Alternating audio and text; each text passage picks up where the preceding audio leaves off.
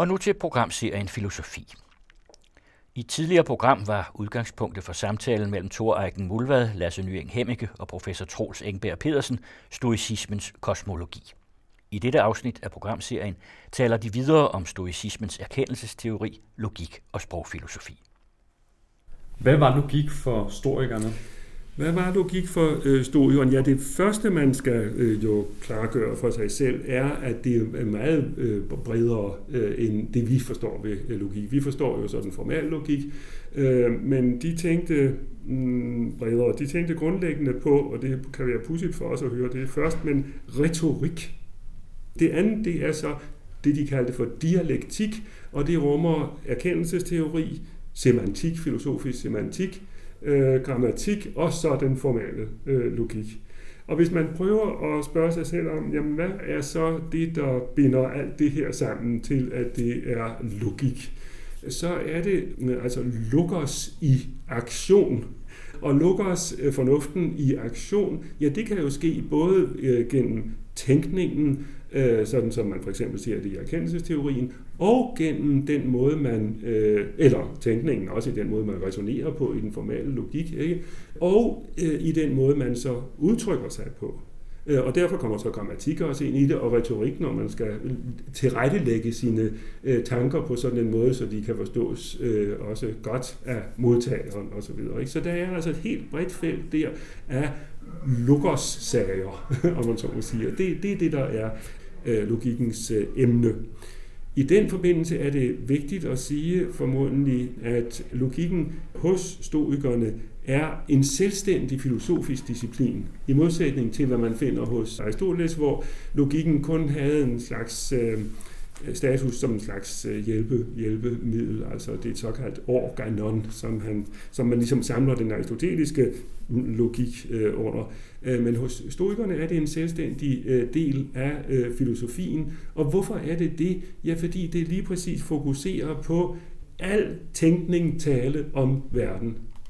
Og det vil være besynderligt, øh, hvis det hele hænger sammen, om man så må sige. Og, og tænkningen og talen om verden jo altså sådan set også skal hænge sammen med verden, fordi den skal afspejle verden, vise hvordan verden øh, er, og det gør den ifølge historikerne sådan set også.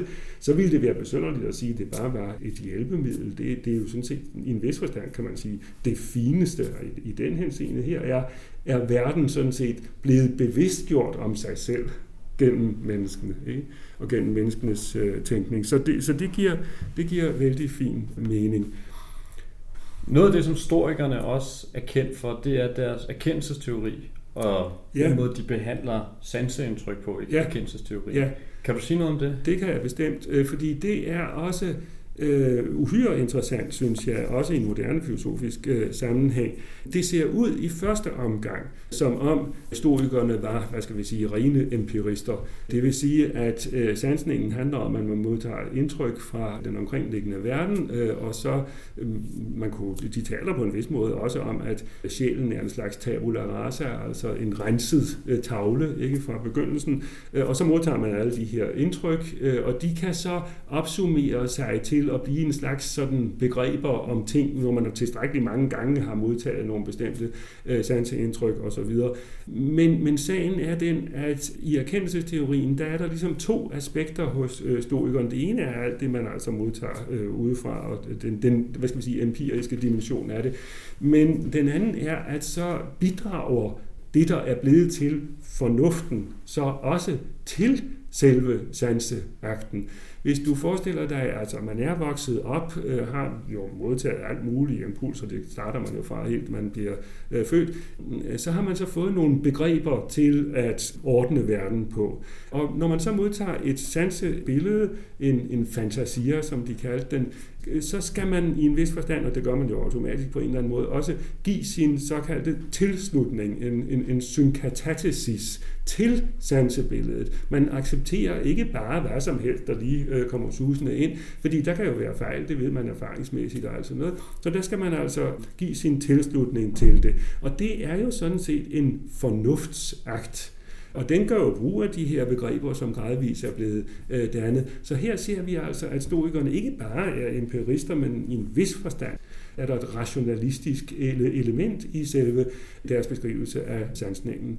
At sansningen altså bliver til egentlig viden ved, at fornuften også er øh, aktiv. De så har... der er ligesom sådan to processer i deres erkendelsesteori, at man dels ja. sanser noget, ja. og så at fornuften tilslutter sig det sansebillede, det sanseindtryk. Ja, det er rigtigt, men det er sådan set kun kan man sige, den første del af det i overgangen fra sansning til viden. Og det handler om Zenons hånd. Senere han øh, illustrerede sanseakten ved at tale om sin hånd. Det første, der han gør, man har hånden liggende med fingrene udstrakt, det er, at man simpelthen modtager noget udefra. Så krummer man sine fingre en lille smule øh, sammen, og det betyder, at man øh, giver det her sin egen tilslutning til det her sansebillede. Så lukker man øh, hånden sammen, så har man det, han kalder for griben af verden gennem sansebilledet. Så har man sådan set grebet, hvordan verden ser ud nu. Så tager man sin anden hånd og lægger den ovenpå den første hånd der. Så har man viden. Det vil sige, her har man altså bragt ind alt det, øh, som man i øvrigt har opsamlet af erfaring osv. osv. Og den måde, man overhovedet strukturerer hele verden på, den lægger man så sammen med det her individuelle sansebillede, man fik, øh, og så bliver det så til egentlig viden. Og den der egentlige viden, ja, den er så af en sådan karakter, og det er det, som det her billede med hånden også skal øh, illustrere, historie, den er en sådan karakter, den kan ikke ændres. Der er ikke nogen, der pludselig kan komme og sige, at det, det er forkert osv. Nej, nej, det kan de ikke, fordi den afspejler en samlet forståelse af hele verden. Øh, så der er der virkelig tale om viden. Så på en eller anden interessant måde, så øh, kan man sige, at stoikerne altså både er empirister og rationalister, og både har en forestilling om, at sansningen direkte korresponderer med verden, altså en slags korrespondensteori, øh, og samtidig også, øh, at jamen, altså, den enkelte sansning skal også hænge sammen med hele resten af forståelsen, og så er der jo altså tale om en koherensteori, øh, altså en sammen, sammenhængsteori. Mm. Men jeg tænker på, hvad med historikerne mente de, at man kunne erfare og erkende hele verden, eller var der ligesom nogle dele af verden, som der lå uden for den menneskelige erkendelse? Øh, der har de sådan en forestilling om, at ja, okay, vi er jo almindelige dødelige, og vi kan jo ikke fange alting og sådan noget, men, øh, men der er jo så en person, kan man sige, som har den totale indsigt i verden. Hvem er den ene person? Ja, det er selvfølgelig Gud, for han har jo lavet det hele, men det er så også den vise. De har sådan en idealforestilling øh, om, at jamen, der kunne i princippet være en, en menneske, som havde den for fuldstændige øh, indsigt, og som så ville være lige med Gud i en ved forstand. Øh, de siger, at han er så sjældent som fugl fønix og sådan noget. Øh, på den anden side, lige præcis ved at det er en ideal så, så er det noget, som vi alle sammen ligesom kan bevæge os tættere og tættere hen på, og det skulle vi jo gerne gøre, så vi altså får lidt større øh, begreb om, hvordan verden er som helhed. Mm. Noget af det, som historikerne også er kendt for inden for deres logik, det er også deres sprogfilosofi. Kan du fortælle noget om det? Ja, øh, det er rigtigt. Altså, det er jo deres øh, filosofiske semantik, kan man sige, øh, hvor de opererer med tre forskellige størrelser. I en vis forstand kan man sige, at man skal starte måske med at øh, snakke om sproget som sådan. Sproget, som, øh, som jo består af lyd. Og der har de en, en forestilling om, at øh, også der, at man i en vis forstand, at der er sådan tre øh, ting, som hænger sammen. Og i det her tilfælde kan man tale om en slags øh, udvikling. Nemlig først er der øh, er der simpelthen lyd, det der hedder fonæ. Øh, det kan vi jo, altså der er et eller andet, en, en, ligesom en sirene fra et, øh, et skib eller sådan noget, det, det er et stykke lyd. Øh, Øh, så er der det, det hedder fonæ. Det næste, det er så øh, det, der hedder leksis, som ikke er som en sirene, altså den rene lyd, men som er sprogligt artikuleret, men ikke nødvendigvis har betydning. Altså, de giver som eksempel ordet i gåseøjne blityri. Der er ikke noget græsk ord, der overhovedet hedder blityri eller sådan noget lignende, men det er jo formuleret på en måde, som, jamen det kunne være et græsk ord, ikke sandt? Det, det følger sådan set de fonetiske regler, hvad det nu ellers skal være. Okay, så det var leksisen. Det næste, det bliver så lukkersen. Det er der, hvor lyden så virkelig har betydning og har mening. Øh, og hvis vi så ser på lukkersen, et ord for eksempel, øh, som har betydning, så øh, har de de her tre størrelser, at man øh, kan se på det som noget, der betegner øh, semeinon, øh, og dertil svarer der så noget, der er betegnet øh, semainomenon, øh, og det, det er de to første sager, og de hænger, hører uendeligt tæt sammen. Men så er der så det tredje, og det er det ude i verden, om man så må sige. Det, de to første ting, det er semainon og, og semainomenon, altså betegner og betegnet, det er jo ja, det er jo ting, der foregår, kan man sige, i talen og i lukkelsen og i bevidstheden, og hvad ved jeg. Men den tredje ting, det er noget, der hedder Totyn Kanon. Det er det noget ude i verden, som modtager de der betegnelser det, der beskrives i øh, sproget. Og det er lige præcis, øh, kan man sige, den her reference, referens, som, som du øh, hentyder til. Altså på en vis måde kan man sige, at historikerne i deres øh, semantik har, har foregrebet, hvad vi andre har lært øh, meget, meget senere hos øh, Frege om Sinn und Bedeutung, ikke? hvor Sinn, det, det svarer til det her semainon, semainomenon, og Bedeutung, det svarer sig til øh, referencen der, til, til Turtyn Kanon.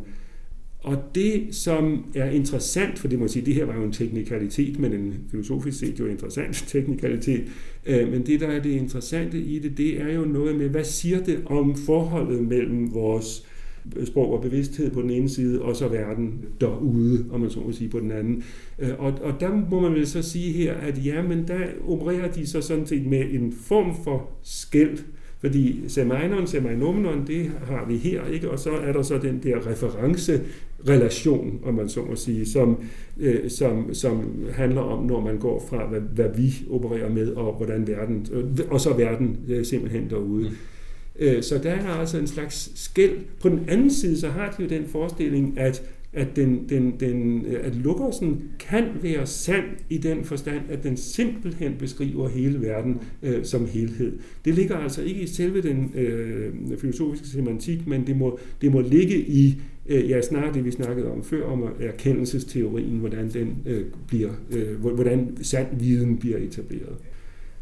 Det sidste, vi måske skulle snakke om inden for den historiske logik, det er selve logikken, fordi ja. der sker jo også en, en udvikling i forhold til Aristoteles' termologi. Ja, Ja, lige præcis. Hans termlogik, øh, som, hvad, hvad handler det om? Ja, altså det velkendte eksempel, det er jo det der med, øh, alle mennesker er dødelige, ikke? Alle mennesker, det er en term, ikke? Og dødelig er en term, øh, og så bringer vi ind, at Sokrates er et menneske, ikke? og så kan vi så konkludere, at Sokrates er dødelig.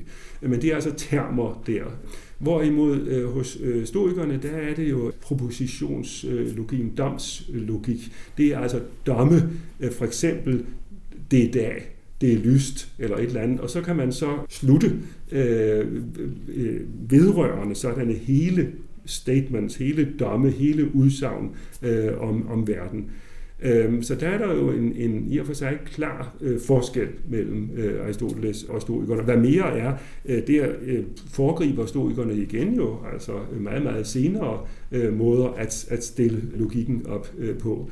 Øh, og det viser sig så også, når øh, de giver sig til, hvad de jo gav sig til, øh, at øh, analysere, jamen hvad er så sandhedskriterierne for forskellige typer af øh, øh, udsagn, som, som følger den der øh, domslogiske struktur. Øh, og der opererer de jo, som vi også gør, med øh, konjunktioner, hvor man altså forbinder med et og, ikke? og disjunktioner med et eller, eller implikationer, hvis så øh, sådan og sådan. Og der opstiller de jo faktisk, i hvert fald for nogle af dem, sådan nogle sandhedstabeller, som siger, hvornår en kombination af domme med nogle af de her øh, logiske, hvad kalder vi dem, logiske... Kognitive. Ja, kognitive, ja. ja. Øh, hvornår de er sande, og hvornår de er øh, falske. Så, så der er de jo meget, meget vidt, kan man sige, i retning af noget, som vi øh, så også har gjort, øh, har, har ligesom videreført. Hvilket i øvrigt er, er meget interessant, fordi det der har man først indset Ja, fra cirka efter 2. verdenskrig. Altså tidligere, når man ser på øh, forskerne, som skrev om, om stoisk øh, øh formal logik, øh, de lavede jo om på teksterne kunne kunne ikke finde ud af, hvad det var, der stod i dem. Men så kom der så en, en mand, Benson Mates. Benson Mates, han skrev i det der linje 48 eller sådan noget lignende en bog om Sturge Logic, hvor han altså viste, at det her er noget fuldstændig andet, og det kan i høj grad oplyses ved at bringe øh, moderne øh, forståelse. Men det får mig til at tænke på, at altså, de deler vel på en eller anden måde eller Wittgenstein deler med historikeren det projekt at vi lave en total beskrivelse af verden. Den altså tidlige, den tidlige Wittgenstein. Den tidlige ja. Wittgenstein. Ja. Øh, ja, ja, fuldstændig. Altså, altså det, det er da helt klart. Ja, ja. Øh, absolut, absolut. De var, Wittgenstein og historikerne var så totalt uenige, når det kom til øh, spørgsmål om værdierne, fordi, øh, som vi kommer til i etikken, ikke? fordi der øh, vil historikerne jo lige præcis øh, sige, at det kan man også godt tale om ja. på, i Wittgensteins forstand, men det ville Wittgenstein jo ikke i, i Traktatus. Så. Lige for at runde logikken af, så hvordan passede logikken sammen med, med fysikken og etikken? Jeg, jeg tror, at de må forestille sig, at de må mene, at alt, hvad man kan sige om verden inden for fysikken og etikken, øh, eller for, det, for den sags skyld inden for erkendelsesteorien, må kunne formaliseres, sådan at øh, man altså her ser selve verdens struktur i den formaliserede øh, udgave. Og så kan du sige, nå jamen altså, er det så ikke bare et instrument, øh, ligesom hos Aristoteles? Jamen det, det, det synes jeg sådan set ikke. Hvis det er selve systemets struktur, som der bliver øh, laid bare, bliver, bliver åbenbaret, hvor kan man næsten komme tættere ind på sagen selv end der? Så jeg tror, det må være sådan noget, der forsvæver den. Det er jo noget af det helt øh, afgørende, og synes jeg meget, meget tiltrækkende øh, ved stoicismen. men øh, det er det her med, at det er selve den her indsigt i verden, i dens totalitet, som er sagen, og kan vel i princippet lægges frem i øh, den i formelle logiske beskrivelse. Programmet blev tilrettelagt af Thor Eiken Mulvad og Lasse Nyeng Hemmige.